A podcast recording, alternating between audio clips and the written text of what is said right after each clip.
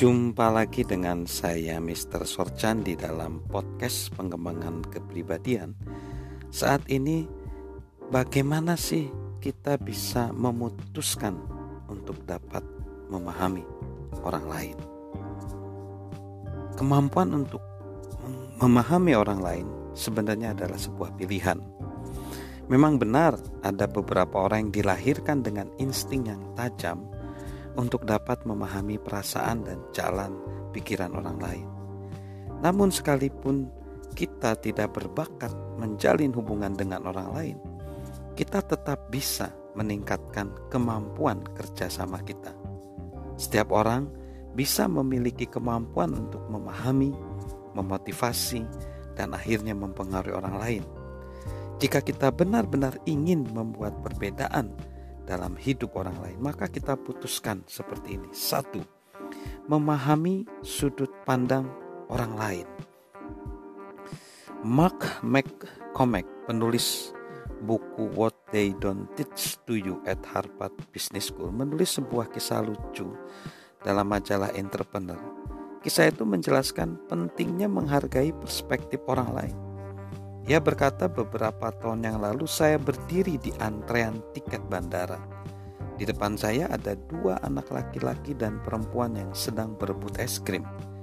Di depan mereka ada seorang perempuan yang mengenakan mantel bulu.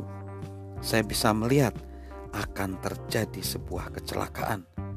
Haruskah saya turun tangan? Ketika saya masih menimbang-nimbang saat si anak perempuan itu memberitahu teman-temannya. Hentikan, itu Charlie. Atau es krimmu akan terkena bulu dari mantel wanita itu.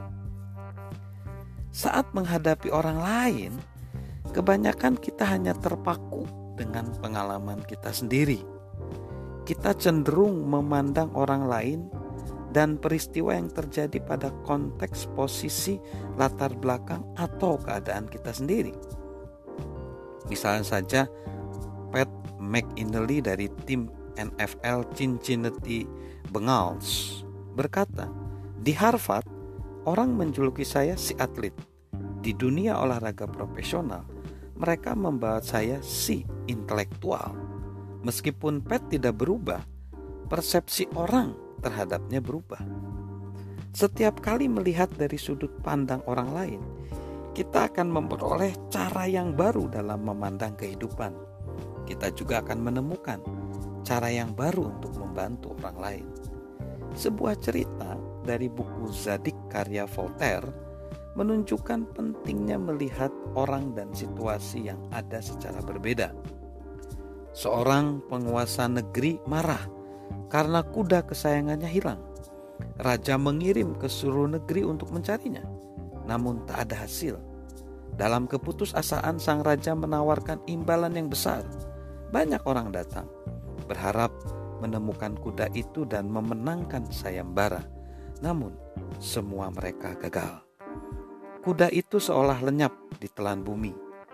Seorang pandir menunggu di depan istana dan meminta bertemu dengan sang raja.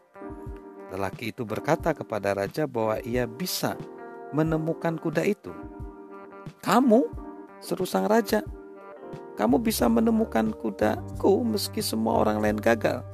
Iya baginda, jawab si pandir. Kalau begitu lakukan, kata raja yang merasa tidak ada ruginya mencoba. Dalam beberapa jam, kuda itu kembali ke istana. Dan sang raja sangat terkejut. Ia segera memerintahkan bendahara kerajaan untuk memberi imbalan yang besar pada orang itu dan memintanya menjelaskan caranya menemukan kuda itu. Padahal banyak orang yang dianggap bijaksana telah gagal. Mudah saja Baginda, jawab si Pandir. Saya hanya bertanya pada diri saya.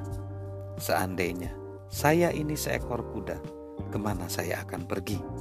Dengan menempatkan diri pada posisi kuda itu, saya dapat menemukannya. Nah, jadi sahabat, ketika kita berusaha memahami sudut pandang orang lain, di situlah kita bisa memahami orang lain. Salam sukses luar biasa dengan saya, Mr. Sorchan.